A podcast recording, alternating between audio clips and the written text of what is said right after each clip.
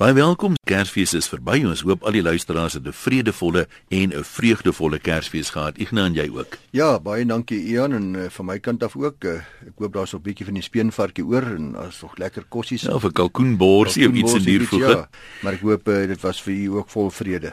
Ja, dis 'n lekker tyd van die jaar hierdie. Baie mense, jy weet, kry nie kans vir lees as hulle nou gewoonweg werk en al die verpligtinge en goed nie. So hier en daar kry ouers dan kans om so 'n bietjie boekie deur te blaai. En ek wil net baie dankie sê aan almal wat al vir my terugvoer gegee het oor die lekker lagboek die humor in die hofboek met die titel Genade edelagbare humor in die hof wat 'n versameling is van uh, stories en staaltjies wat ons gekry het van uh, luisteraars in die regsberoep ook van verkeersbeamptes, mense wat getuies was in howe en so aan. Die boek is beskikbaar in die handel as jy dalk nog iets soek om te lees.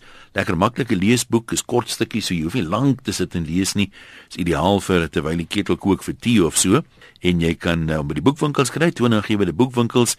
Lapa uitgewers gee hom uit saam met RSG en uh, as jy nie naby 'n boekwinkel is nie, kan jy ook vir jou een bestel by per e-pos by lapa@lapa.co.za of jy kan die nommer skakel dit met 'n kantoorure wees 0124010700.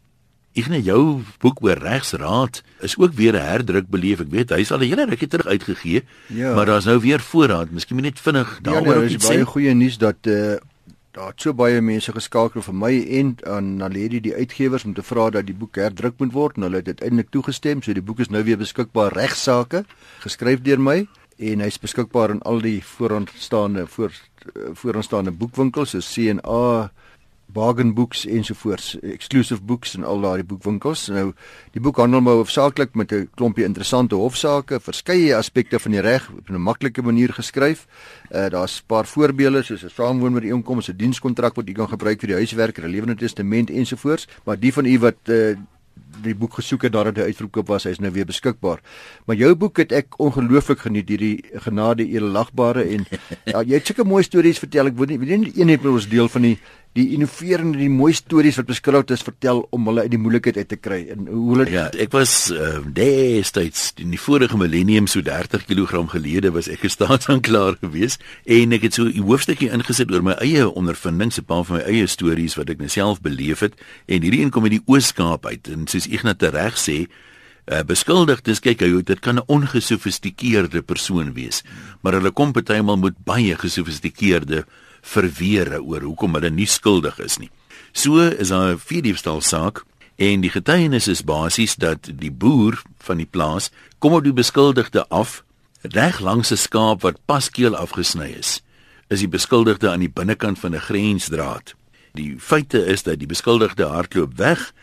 Die boer vuur 'n waarskuwingsskoot na die bene toe en hy tref hom in die voet en hy word gearresteer en nou aangekla op aanklag van poging tot vierdiefstal dan nou. Die beskuldigde 'n bietjie van 'n ander storie. Hy getuig soos volg.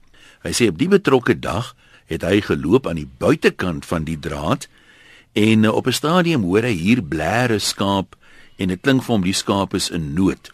En hy kyk deur die draad en hy sien maar hier lê 'n skaap wat keel afgesny is. En hy wat die beskuldigde is, is baie lief vir diere en hy voel hy moet tog net kyk of hy nie die skaap behulpsaam kan wees nie. En met groot moeite klim hy oor die grensdraad en hy hurk by die skaap om nou die omvang van die skaap se beserings vas te stel en hy kom agter dat die besering is ernstig. Hy alleen gaan nie die skaap deurtrek nie. Hulle gaan professionele hulp nodig hê. Hy dink hy by homself Die skaap bloei nou en ek meen die waarskynlike oorsaak van dood gaan wees dat die skaap homself dood bloei. So daar's nie nou tyd te verspil nie en hy spring op en hy begin hardloop. Hy wil nou na die boer toe gaan om vir die boer te sê: "Hier lê een van jou skape en bloei langs die grensdraad. Gou, kom help, bring die veearts, maak 'n plan." Hy sê tot sy stomme verbasing, net toe hy opspring om te hardloop om die boer te gaan roep. Hy sê en dit is nou die woorde ek haal aan. Hoor ek 'n skoot klap en ek merk op die koel tref my. En die boer kom daar aan en die boer konfronteer hom en sê maar, "Hey, jy het my skaapkeel afgesny." Dis sê hy vir die boer, "Nee, ek soek jou juis, jy moet kom help." well, ons het hom daarom te skuldig bevind ja. gekry, weet jy. Ek kyk ook mos met nou die waarskynlikhede ja. dat dit dat 'n storie waar is. Ja, dis een van die stories in die in die boekie Genade edelagbare humor en die hof wat Lapa uitgewers uitgee. Hy behoort nog by die meeste boekwinkels toonaangewende boekwinkels en ek wil ook net dit sê, jy weet mense vra altyd vir my watter boekwinkels. Ek het nie die voorraadlys nie. Ek weet CNA het 'n hele klompie boeke bestel, maar hoe dit versprei weet ek nie want jy sal soms sien in die Engelse dele van die stede wys die Afrikaanse flieks glad nie eers. So in 'n relatief Engelssprekende deel sal daar dalk nie noodwendig, jy weet, Afrikaanse boeke so volop wees nie. Anders moet 'n mens maar, jy weet, skakel en hoor. Ja, Lapa gee hom uit en uh, as hulle vra wie is die skrywer, die voorreg is nou myne om dit saam te gestel het een wessels dat hulle dan vir jou een bestel. Ja, goeie daad. Voordat ons by die kalkoen kom, kom ons uh, kom ons gesels eers 'n bietjie regte. Baie van ons sal nou al vir mekaar om die tafel gister gesê die geldjies is nou amper klaar vir die maand. uh en ons moet nog volgende maand die bonusse is ook al opgebruik ensovoorts en ons gaan eers weer baie lank 'n paar weke later nou raak die versoeking soms groot om nie aan die keiser te betaal wat die keiser toekom nie. Sodra dit mes begin swaar gaan en einde Junie verlede jaar het meneer Johan van Staden in Kaapstad verskyn. Ekskuus, einde Junie hierdie jaar. Verskyn op verskeie klagtes van onder meer rampokkery, bedrog en dan ook klagtes as gevolg die wet op die voorkoming van georganiseerde misdaad. Hy het op 40 klagtes skuldig bevind. Hy was in die visbedryf betrokke en meeste van sy klagtes verband gehou met bedrog teenoor die ontvanger van inkomste wat insluit dat hy valslik voorgegee het dat hy vir 'n paar jaar goedere van ongeveer 3 miljard rand uitgevoer het en ook 'n klomp vals eise vir BTW ingedien het meer as 250 miljoen rand. Ja, dis vals eise. Dis nou op groot skaal. Nou soos baie Suid-Afrikaners uh wat belastingbedrog pleeg, het die hof daarop gewys dat dit behoorlike beplanning verg en gewoonlik oor 'n hele paar jaar plaasvind. En natuurlik is die feit dat dit soveel beplanning verg en oor so 'n lang tydperk plaasvind erg verswaarend wanneer dit by vonnis kom. Die hof wys daarop hoe ernstige misdryf dit is om bedrog teenoor die ontvanger van inkomste te pleeg, maar sê ook dat afgesien daarvan dat hierdie bedrog elke Suid-Afrikaner benadeel, want dis 'n bedrog teenoor ons almal omdat dit ons geld is. Omdat ons uh as belastingbetalers die die die belasting moet vir ons voordeel gebruik word uh en ons word onneem van belastinggeld wat ons land in die toekoms aangewend kan word en natuurlik ook om minder bevoorregte stel. So die hof vat al hierdie argumente saam en soos baie ander wat belastingbedrog pleeg word dit gewoonlik gedoen vir die selfsugtige rede om self 'n luukse lewe te lei sonder om aan die res van jou medeburgers te dink. Regter Veldhuisen sê dan ook dit is belangrik dat die vonnis moet afskrikwaarde hê en in totaal word daar vir die verskeie misdade 40 misdade word daar 40 jaar tronkstraf opgelê omdat die vonnisse saamlopend uitgedien word beteken dit dat van Staden effektief vir hierdie belastingbedrog van hom 20 jaar tronkstraf kry. Nou luisteraars sal maar weer kennis neem dat so net weer 'n goeie voorbeeld hiervan dat ons moet die keiser betaal wat die keiser toekom dat geen burger die reg het om met allerlei slim en skelm en slinkse planne belasting te ontduik nie. Daar's niks verkeerd om met geldige planne belasting te vermy nie. Dis wat goeie ouditeure vir u doen en goeie uh, beplanners van boedel vir u doen, maar belastingbedrog, die die vermyding, die ontduiking van belasting met op 'n skelm manier is 'n baie ernstige misdaad en soos die regter hier sê, gaan dit gepaard met gierigheid terwyl die belange van Suid-Afrika ondergeskik gestel word aan jou eie selfsug en jou geldlus. Ja, dis eintlik maar redelik algemeen, hè. Meeste ouens kyk eers na hulle self en dan na, na ander dinge. Ja, en uh dit is baie keer ook 'n geval van uh uit 'n politieke oogpunt sê ons mekaar maar die wat die ons geld werk nie vir ons nie. Die regering doen nie wat ons dink hulle behoort te doen met ons geld nie. En daarom voel ek my gewete gesus om so min as moontlik aan die ontvanger te betaal en as ek sê so min as moontlik later te begin plannetjies beraam om dit nog minder te maak yeah. as ja. wat ek veronderstel is om te betaal. Dis bedrog, dis 'n uh, dis 'n ernstige oortreding. U gaan vir 'n hele klompie jare in die gevangenis sit as u gevang word en dit sluit ook in die nie openbaring van geld. Nie net ons verdien nou van BTW beroep, die grootste deel daarvan is mense wat kontant ontvang en nie die kontant inkomste openbaar nie. Daar's talle hofsaake waar sulke persone uiteindelik in die tronk beland. Nou is ons gewaarsku weer. Ek het 'n brief ontvang van 'n persoon wat hom of haarself Bolo noem, Boulo. Nou dankie Boulo vir jou baie mooi woorde oor die program en dan gee hy 'n voorstel vir bespreking. Ek lees dit woordeliks. Wat gebeur as jy met jou weed eaters, nou die randsnyer, op jou sypaadjie die grasse rand te sny? Iemand loop of ry verby en die randsnyer skiet 'n klippie op. Dan sit hy nakkies wat terloops heeltyd gebeur en die klippie tref die persoon of voertuig en die persoon sê dan dat hy jou gaan dagvaar byvoorbeeld vir 'n besering opgedoen of skade gelei aan sy voertuig. Dan sê dit het met my gebeur. Die persoon was in 'n redelike nuwe BMW en ek wag nog steeds in spanning vir ronde 2 want hy het gesê hy gaan my dagvaar. Dan sê hy verder 'n belangrike ding. Ek kon wel voorsien, hy gebruik self die woord hier voorsien. Ek kon wel voorsien dat die weed eater klippies kon opskiet want dit is deel van die werking van die masjien. Maar as ek elke keer moet moet stop as iemand verbyloop of ry, gaan ek eenvoudig geen werk gedoen kry nie want ek bly in 'n uiterste besige straat. Hoe nou gemaak? Dan sê hy heel laastens, ek hoop die onderwerp is die moeite werd om te bespreek en ek luister graag. Dan groet toe Boulo van Bloem. Nou dankie Boulo vir 'n lekker interessante en 'n praktiese vraag. Dit gee my die geleentheid om 'n bietjie te praat oor nalatigheid en die redelike mantoets wat daar van toepassing is. Want in 'n netedop sê hy, ons luisteraar, uh, hy sê ek weet dis moontlik dat ek iemand gaan beseer van iemand se voertuig skade gaan aanrig as ek op die sypaadjie met my randsneer werk. Maar uit my eie hoek gesien, dis wat ek lees uit sy brief, sê hy gaan dit beteken dat ek nooit ooit my grasperk gesny gaan kry nie.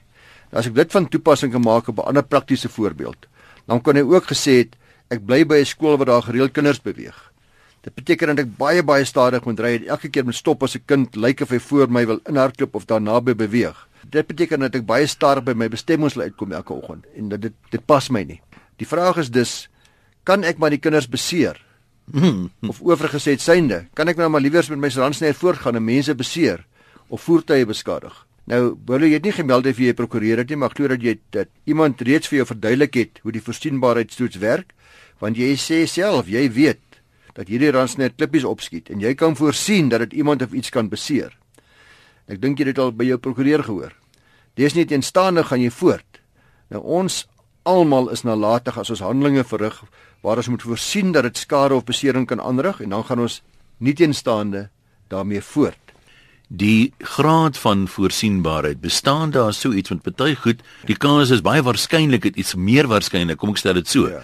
dat iets gaan gebeur ander is dit 'n geval is van 1 in 'n miljoen dan voel dit vir my as jy dan voortgaan as jy minder nalatig is wanneer jy sê die kans is omtrent 50 50 dat iets hier kan verkeerd gaan ja die toets is bloot eenvoudig op die redelike man ek en jy in daardie selfde omstandighede sou voorsien het dat ons skade kan aanrig dat die moontlikheid bestaan. Nou nou daar's verskillende soorte moontlikheid waarskynlikheid. Ons praat nie van 'n waarskynlikheid nie. Hmm. Ons praat hier dat die moontlikheid bestaan dat ek skade op besering aan 'n ander persoon kan aanrig. Nou hoe verder dit verwyder is, aan die ander hier 1 miljoen, dan sal ek hier dit nie voorsien het nie. Dis nie redelikerwys om dit te voorsien dat dit gaan gebeur nie. Dat dit redelikerwys gaan gebeur nie of kan gebeur nie.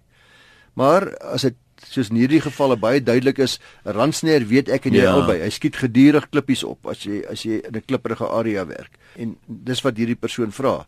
Moes hy redelikerwys voorsien het? Hy sê hy het voorsien. Dat hy dalk dat hy ja, weet dit, hy weet dit ja. skiet die hele tyd klippies op. Hy het dit voorsien. En as jy dan die redelike man toets kyk, uh, luisteraars en Ian, dan kyk jy nie na die die buitengewone persoon of die jy kyk dan wat ek en jy, ons almal wat luister vandag. Wat sou ons dink as ek moet 'n weed eater werk in 'n klipprige area? Dink ek daar is 'n moontlikheid dat ek iemand kan seermaak as die antwoord daarop ja is? En ek doen niks om dit te verhoed nie. Aan die ander wyse ek sit vir die randsnyer uh, kappie op of ek sit vir my dekseltjie op of ek maak 'n ja. ander plan of ek wag tot daar nie motors is nie. Dan gaan ek nalatig aan. Dis 'n interessante vraag vir my. Is dit regtens moontlik dat 'n mens kan sê Ek het wel voorsien dat dit iemand skade sou opdoen, maar in die omstandighede sou die redelike man nie noodwendig voorsorg getref het nie of daar was nie ooglopend maklike voorsorg om te tref nie. So die feit dat ek dit voorsien het maar voortgegaan het, is nie noodwendig nalatig nie want daar was nie eintlik iets wat ek kon gedoen het nie. Jy sien, die vraag of jy dit voorsien het, sou afhang soos jy nou-nou gesê het van die redelikheid van die voorsienbaarheid ja. daarvan. Die 1 in 'n miljoen geval sal ek en jy nie voorsien nie. Uh ons voorsien nie elke keer as ons in 'n motor klim dat net as ons gewoonweg ry gaan ons 'n ongeluk maak nie. Hoekom nie? Want dan word nie elke dag as ons ry 'n ongeluk gemaak nie. Ons ja. gaan jare deur sonder om 'n ongeluk te maak. So is nie nalatig wanneer jy motor te klim nie. Dis nie nalatig om met 'n weed eater te werk in sekere omstandighede nie. Want dis die redelikheid voorsienbaar, maar dis redelikheid redelikerwys voorsienbaar dat ek 'n ongeluk gemaak as ek nie in die pad kyk nie. Ja, ek hoor wie jy sê. Of as ek te vinnig ry of, of as ek bestuur onder die invloed. Jy weet, jy verstaan, so die omstandighede van elke geval, geval gaan bepaal of dit redelikerwys voorsienbaar was. Hierdie geval wat ons nou van praat, kan 'n mens dit net so toepas. Jy ry dikwels langs die nasionale paaie, dan sit hulle daar 'n bordjie op en sê hier's hulle is besig om gras te sny. Daar groei langs die pad taamlik hoë gras. Nou is die ouens met grassnyers en al sulke tipe van dinge, dikwels ook met weed eaters besig om dit skoon te maak. Nou in hulle geval, ek meen as jy op 'n redelike besige nasionale pad is, jy moet dit doen want die gras gaan later as 'n brandgevaar, dit belemmer uitsig en so aan, maar dit voel vir my dit hulle moet dit ook tog die hele tyd voorsien dat dit eintlik baie moontlik is dat daar sal klippies ruitte laat weet beskadig en so. Ja, absoluut. Afhangende van hoe ver hulle van die pad af is en wat se beskermingsmaatreëls hulle tref om die toerist, die toerist wat daar verbyry te beskerm.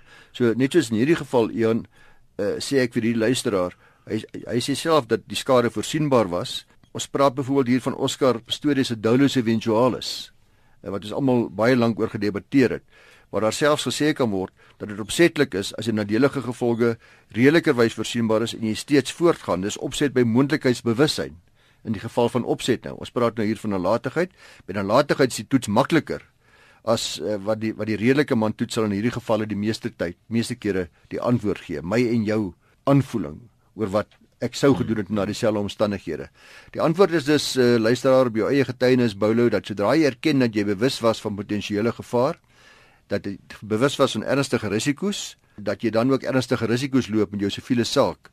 En ek glo dat jou prokureur hooplik sal aanbeveel dat jy moet kyk of die saak nou liewer op 'n vriendskaplike wyse geskik kan word nie.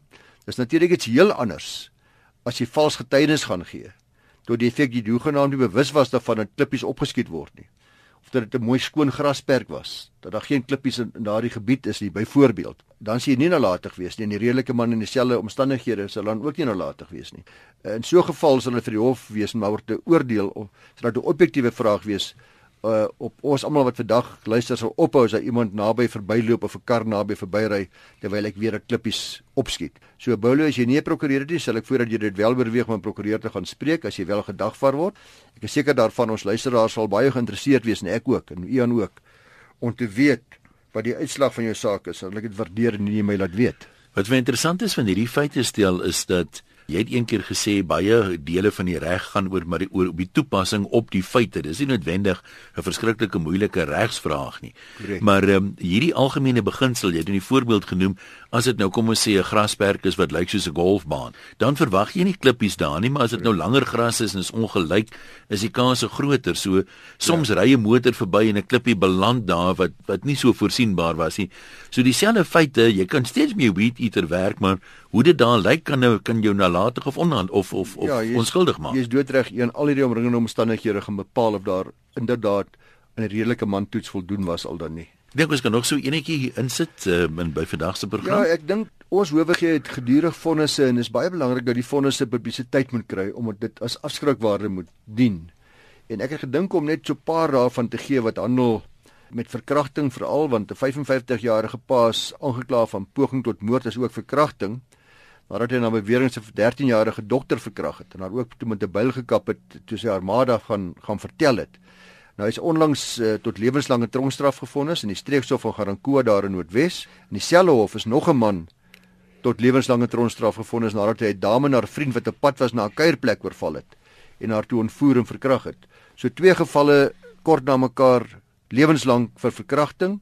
Ook in die Garankuwa streekshof is uh, dieselfde week is 'n 47-jarige man vir 20 jaar tronk toegestuur omdat hy 'n 10-jarige meisie vroeër vanjaar ontvoer het.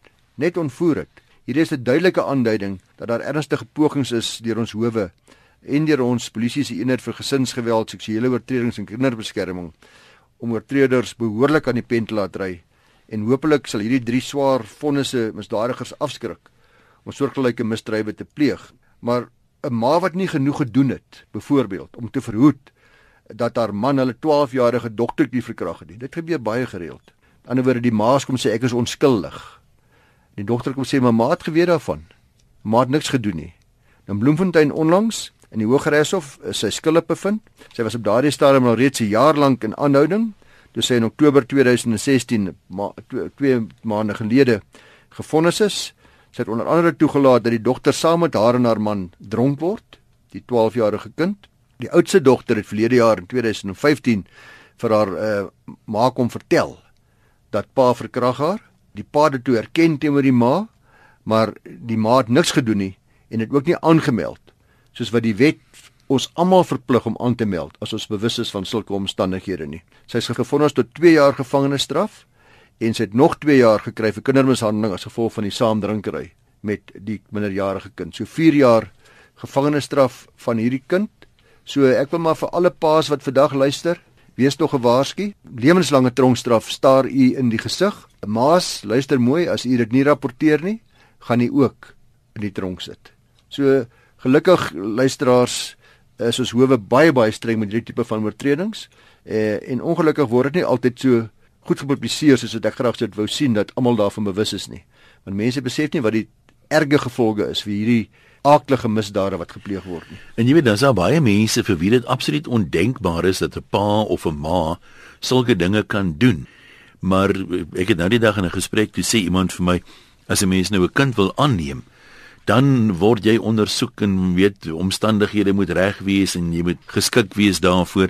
Dis eintlik jammer op 'n manier dat daar vir biologiese ouers nie soortgelyke toetse is nie want ek meen mense wil nou nie lelik wees met iemand nie, maar daar is daar mense wat waarskynlik net nie uitgeknip is vir moederskap of vaderskap nie. Ja, dan hoor mense nog die aardige bewering of dit waar is of nie. Dit uh, baie mense sê dit is uh, maklik om te bewys dat mense babas kry met die spesifieke doel om 'n toelaag te kry om aan die lewe te bly. Daai toelaag is ook so klein, jy moet daarom regtig in groot nood wees dan. Ek okay, dink watter soort ouer is dit wat uh, ja. uh, hoe die ouerskap dan deurgevoer gaan word. As dit eintlik maar net gaan oor die paar rand per maand wat jy kry om jouself mee te versorg. Ja, dis nie 'n vrolike noot om op af te sluit nie. Hoopelik is daar nog kalkoen oor en hoopelik is jou kop nie te seer om maar uh, iets koels te, te drink saam met daai kalkoen nie. Geniet die res van uh, die vakansiedag vir mense wat net vandag het en weer moet werk later in die week, die wat nog 'n week of wat se vakansie oor het, maak die meeste daarvan. Ons is terug net na nuwe jaar. Net na nuwe jaar. 2 2 Januarie. Weet hoekom ek nou so sukkel met die datum is, want dis eers volgende jaar is nog ver. Ja. nou maar regsaake word moontlik gemaak deur die prokureursorde van Suid-Afrika.